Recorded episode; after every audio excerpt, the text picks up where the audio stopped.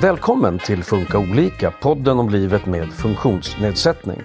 På en arbetsinriktad daglig verksamhet erbjuds personer med funktionsnedsättning sysselsättning på en vanlig arbetsplats.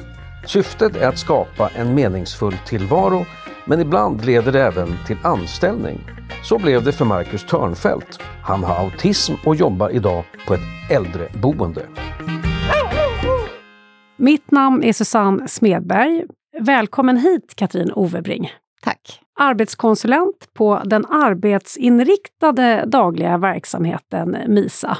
Vad är arbetsinriktad daglig verksamhet för någonting? Det innebär egentligen att man har sin verksamhet ute på en helt vanlig arbetsplats, men med stöd. Välkommen också till dig, Marcus Törnfält. Eh, du har autism och har fått hjälp av MISA och är sedan ett år eh, anställd på ett äldreboende. Ja, det stämmer. Vad gör du på det äldreboendet? Ja, eh, när jag kommer dit så det, går vi igenom vilka vi, patienter vi, eller boende vi tar. Klä på dem, eh, ge dem frukost. De som inte kan äta själv blir matade. Och klockan 11, då är alla klara och har till frukost och allt sånt. Så då tar vi ner några stycken som kan på aktiviteter. Det kan vara som sång, dans, eh, man spelar spel, eh, tittar på film, bio whatever, allt, allt möjligt alltså mellan himmel och jord. Låter som att det är full rulle där på äldreboendet. Ja, det är det verkligen. Katrin, eh, vad är det för typ av sysselsättningar ni på MISA hjälper till? Vi har Marcus här eh, på ett äldreboende. Vad kan det mer handla om för typ av sysselsättningar? Ja, alltså på MISA har vi inga liksom färdiga lösningar, utan vi utgår helt från de vi träffar och vad de har för intressen och vad de är intresserade av att vara någonstans. Och utifrån det matchar vi personen mot en arbetsplats, vilket innebär att det kan ju vara ett äldreboende som Marcus har, men det kan också vara restaurang, hunddagis, museum, lager, egentligen vad som helst. Så om någon kommer till er, var börjar ni någonstans? Vi brukar alltid börja med en kartläggning och det handlar mycket om att vi behöver ju lära känna den här personen. Man skapar ett förtroende och tar reda på ja, men vad har du haft för erfarenheter bakåt? Vad har fungerat bra? Vad har kanske fungerat lite mindre bra? Och hur ska vi hitta liksom motivation och vad är liksom, har du lust att testa på? En del har ju mycket erfarenhet i bagaget. En del har kanske aldrig varit ute i arbetslivet tidigare. Och när ni har kommit en bit eh, på vägen, ni har fått en känsla för vem personen är, hur går ni vidare då? Då brukar vi faktiskt ofta gå ut på studiebesök och besöka olika arbetsplatser. Dels för att det blir mer konkret. Vad gör man på den här arbetsplatsen? Vad har de för arbetsuppgifter här? Skulle det här kunna passa mig? Men också få det här personliga mötet. Känns det här som en plats där jag skulle kunna finnas och vara? Eh, så det är ofta det bästa, tycker vi. Och hur får ni tag i de här arbetsgivarna? Ja, det ser lite olika ut. MISA har ju funnits sedan 1994, så det är klart att vi har liksom byggt upp ett samarbete med många arbetsgivare. Men många gånger är det liksom ett individuellt sökning varje gång. Eh, utifrån den personen vi träffar, vad är, vad är viktigt för den? Geografisk närhet, stor arbetsplats, liten arbetsplats och så vidare. Så att många gånger är det ett, ett insälj som ingår i jobbet. Hur kan situationen hos de som kommer till er se ut? Ja, det är också såklart väldigt olika. Eh, ganska vanligt är det personer som kanske varit hemmasittare. Man har gått någon form av anpassad gymnasieskola eh, och sen blivit satt i Arbetsförmedlingens olika insatser, men att det kanske inte alltid har fungerat för att man inte riktigt fått det stöd som man behöver. Eh, och då det här MISA har ju möjlighet att ge ett individuellt anpassat stöd, men också ett stöd över tid på ett helt annat sätt. Men det kan också vara att man vill byta daglig verksamhet. Man har varit på en annan verksamhet och vill ha en mer tydlig arbetsinriktning. Och för de som har stått eh, länge utan någon typ av sysselsättning, var kan ni börja då någonstans?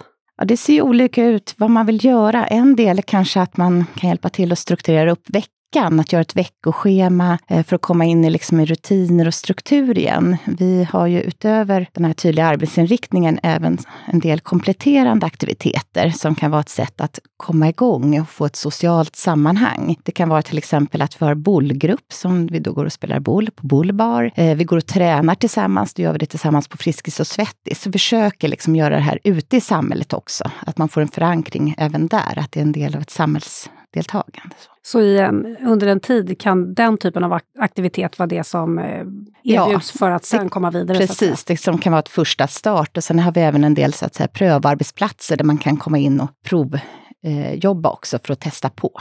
Marcus, hur såg din tillvaro ut innan du tog kontakt med MISA? Vad gjorde du för någonting? Jag har ju varit då på någonting som hette mm, jag sökte försörjningsstöd och då sa de att man skulle gå med i någon grupp som hette, jag kommer inte ihåg vad den hette nu, men vad var det för typ av grupp? Mötesplatsen, eller mötesjobbcoachen eller något sånt där. Och de hjälpte inte till med någonting tyckte jag. Även om det var sådana som hade kunskap om dem, som har diagnoser och sånt. Så tills fick vi avbryta och så fick vi se att söka till någon arbetsinriktad daglig verksamhet istället. Och vem var det som hjälpte dig att få kontakt med MISA? Jag själv faktiskt. Och vad hände då när du kom till MISA? Det var som eh, Katrin sa med kartläggning. Jag fick en tjej som heter Lova och Fredrik och en tjej som heter Kajsa. Så de tre började med mig. Det gick ganska fort så fick jag ett praktik på en gymnasieskola, Torilsplans gymnasium i köket. Men tyvärr så kunde de inte anställa mig på lönebidrag för att de var tvungna att eh, kapa ner personal för de visste inte om de skulle ha Sodexo som, som eh, grupp eller som, vad ska man säga? Matleverantör va? Ja, ja. matleverantör. Så då var, de, då var de nära på att, att de blev rädda att bli uppköpta, så då anställde de inte mig. Men det var nära att jag kunde bli det redan då alltså. Och vad hände efter det då? Började du någon annanstans då? Mm, det gjorde jag. Jag började då på, nu kommer inte jag ihåg, för det var så länge sedan, det här var 2013. Var det något liknande som du är på idag eller var det någon helt annan jo, typ av verksamhet? Jo, det var på äldreboende också, ett annat i Östermalm faktiskt. Men där fick jag ingen jobb heller. Sen provade vi på dagvårdsverksamhet också och det var någonting jag trivdes med faktiskt. Och det, det kommer demenssjuka personer som, eh, ska, som är där från åtta till tre bara. Och då är, har man aktiviteter med dem. De får frukost och lunch. Middag, det får de hemma när de är hemma hos sig alltså. Så hemtjänsten kommer med matlådor och sådär.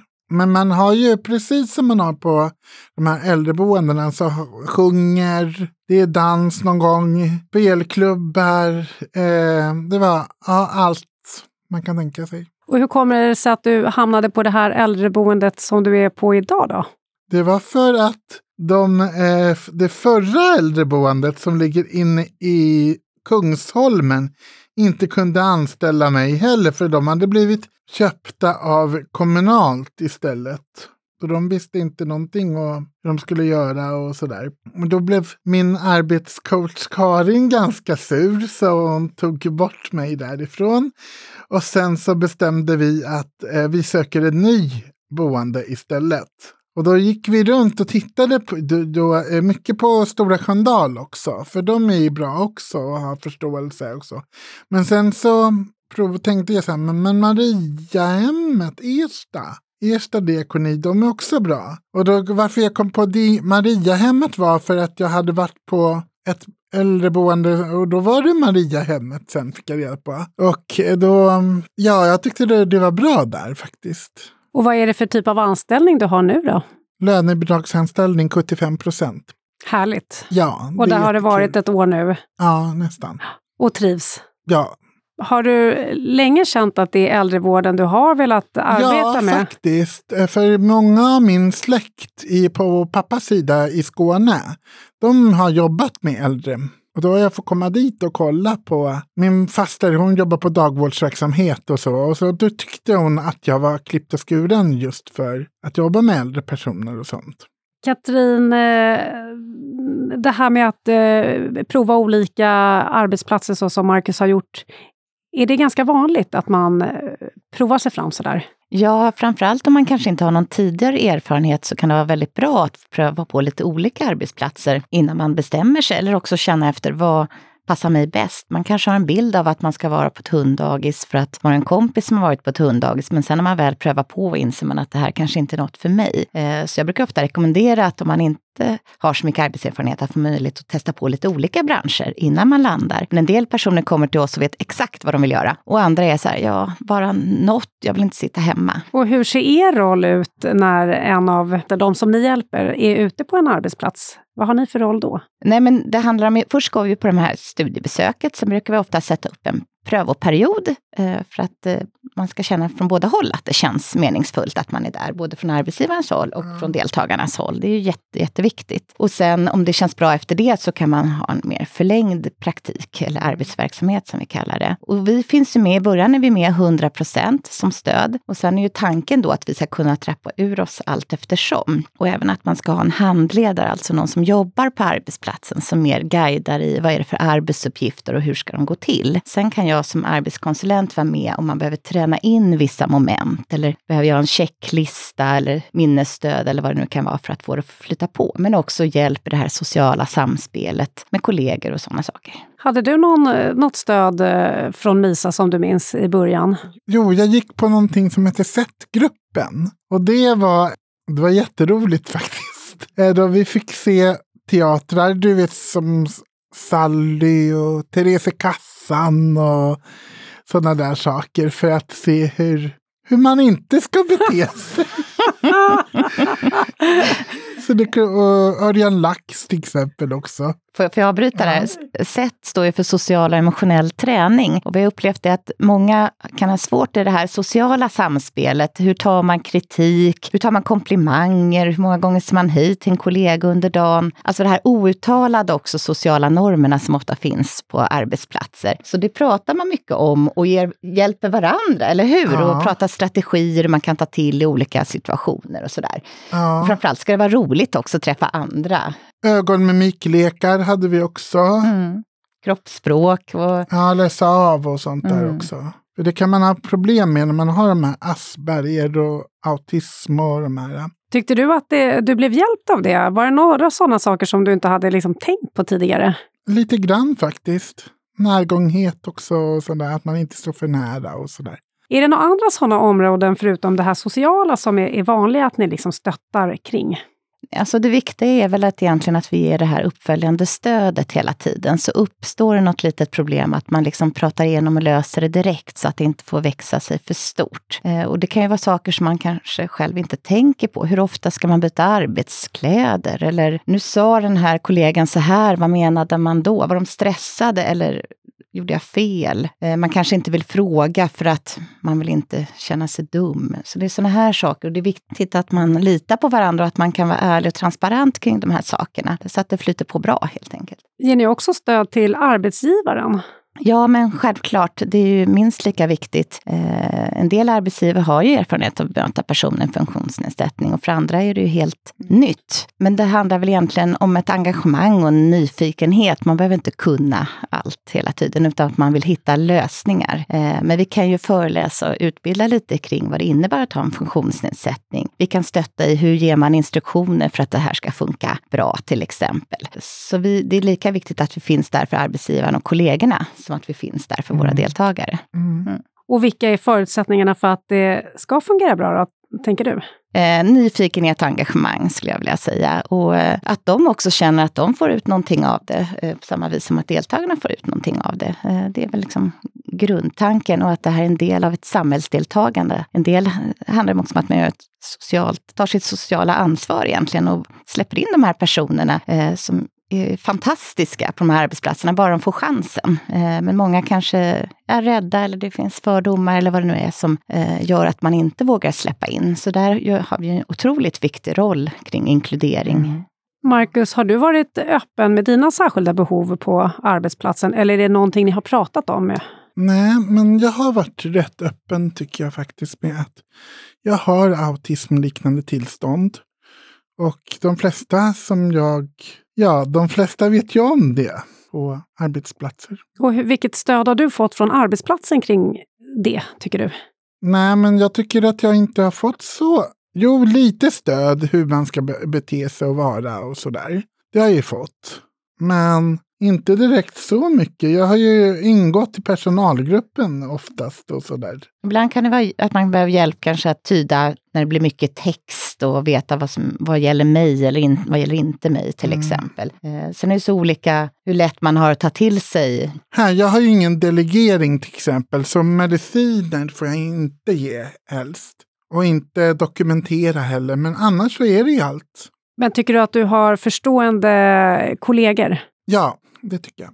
Och det handlar egentligen om att inse att det är en människa. Det, det här är inte en funktionsnedsättning. Det är en person som behöver, kanske har svårt med vissa saker, men det går ju att lösa. Om det skulle vara så att det inte fungerar på en arbetsplats, vad, vad gör MISA då? Hur hanterar man en sån situation? Ja, alltså i första hand så försöker vi såklart prata ut om det har skett en konflikt eller vad det nu kan vara och lösa det på plats. För att det är ju en del av arbetslivet att det här är ju personer man kanske inte valt att umgås med, mm. men man är där för att man är kollegor helt enkelt. Eh, så vi får försöka lösa det i första hand. Men är det så att vi ser att vår deltagare inte mår bra av att vara här och vi inte kan hitta en lösning, då ska man självklart sluta. Eh, och så försöker vi hitta en annan eh, arbetsplats hur många går vidare till jobb efter att ha haft en sån här arbetsinriktad daglig verksamhet? Ja, alltså idag är det väl ungefär 10 procent om året som går vidare ut i anställning. Men då ska vi också lägga till att uppdraget är inte att få ut personer i anställning, utan det här är ju personer som inte egentligen står till arbetsmarknadens förfogande, utan det handlar om en meningsfull sysselsättning, fast man är ute på en vanlig arbetsplats.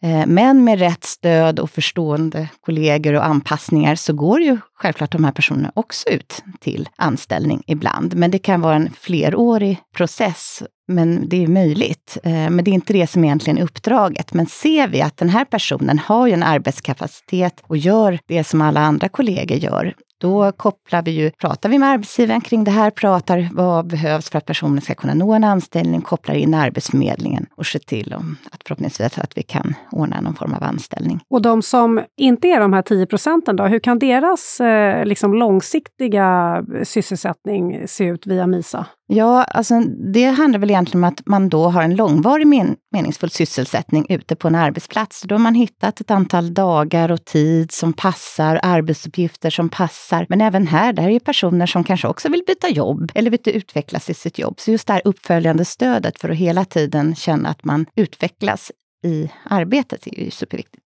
Marcus, vad skulle du säga är det bästa med att ha ett jobb?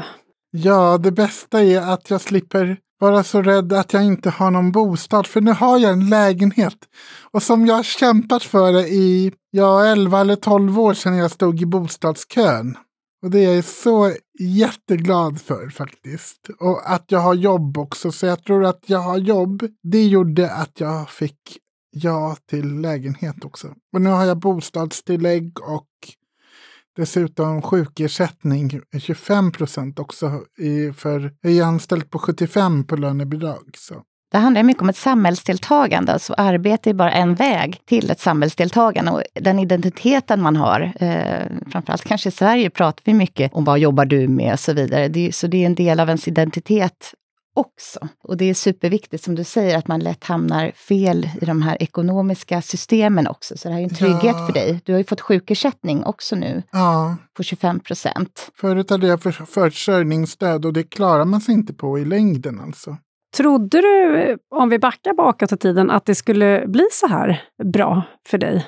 Nej, faktiskt inte eftersom jag har hamnat mellan stolarna så himla många gånger. faktiskt. Och nämnden och Försäkringskassan och allting. Så att, nej, inte i början trodde jag det faktiskt. Vad tror du förutsättningarna är då för att det blev bra? Att jag aldrig gav upp. Du måste känna dig stolt nu. Ja, jag är jättestolt. Det är jag verkligen. Kanske ni på MISA också? Ja, det är klart vi är. Det är, det är du som har gjort jobbet, Marcus. Vi är väldigt ja. glada att vi har fått vara med liksom, på den här resan som det faktiskt är. Mm. Och att du, mm. som du säger, du har kämpat och det har, varit, det har varit en hel del motstånd på vägen. Men du har aldrig gett upp och du har alltid en positiv inställning till saker. Det tror jag har varit halva ja. hemligheten. Känner ni alla era deltagare väl? Ja, eh, som eh, arbetskonsulent så har man kanske runt 15 personer som man har kontakt med. Eh, många gånger är vi kanske den personen som de träffar oftast under veckan.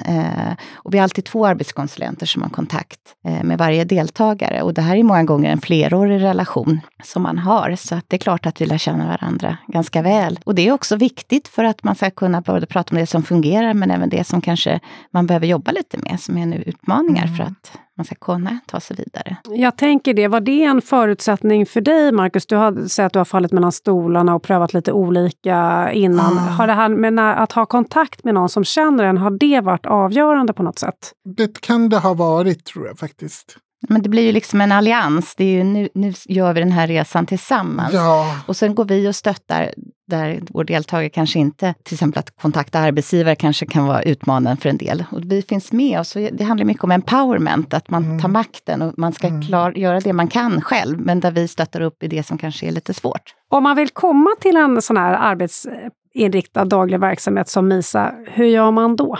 Då eh, kontaktar man enklast sin handläggare på kommunen eller stadsdelen för att se vad som finns för typ. Det finns ju en mängd olika dagliga verksamheter som också har en arbetsinriktning. MISA är ju en av dem helt enkelt. Men genom att det finns lagen och valfrihet har man också möjlighet att välja den verksamhet som man tror passar en bäst. Så man kontaktar handläggaren, kommer på ett studiebesök. Om det känns bra efter det så kan man börja. Och vilka är det som kan få hjälp av er? Är det några särskilda åldrar och funktionsnedsättningar ni vänder er till? Ja, det är framförallt personer mellan 18 till 67 år, men vi har även en del av MISA som jobbar med yngre personer. Eh, och funktionsnedsättningar, ja, det är egentligen alla personer som står utanför arbetslivet av någon anledning som behöver lite extra stöd. Jag jobbar i MISA Liljeholmen och vi stöttar personer med förvärvade hjärnskador i vuxen ålder, men även personer med intellektuell funktionsnedsättning och personer inom autismspektrat. Då säger jag stort tack till dig, Katrin Overbring, eh, arbetskonsulent på MISA. Och stort tack till dig också, Marcus Törnfält. Tack så mycket. Tack, tack. Du har lyssnat på Funka olika, en podd från Habilitering och hälsa som är en del av Region Stockholm. Hur bryter man utanförskapet för unga med neuropsykiatrisk funktionsnedsättning som varken jobbar eller studerar? Det pratar vi om i nästa avsnitt, så vi hörs då igen.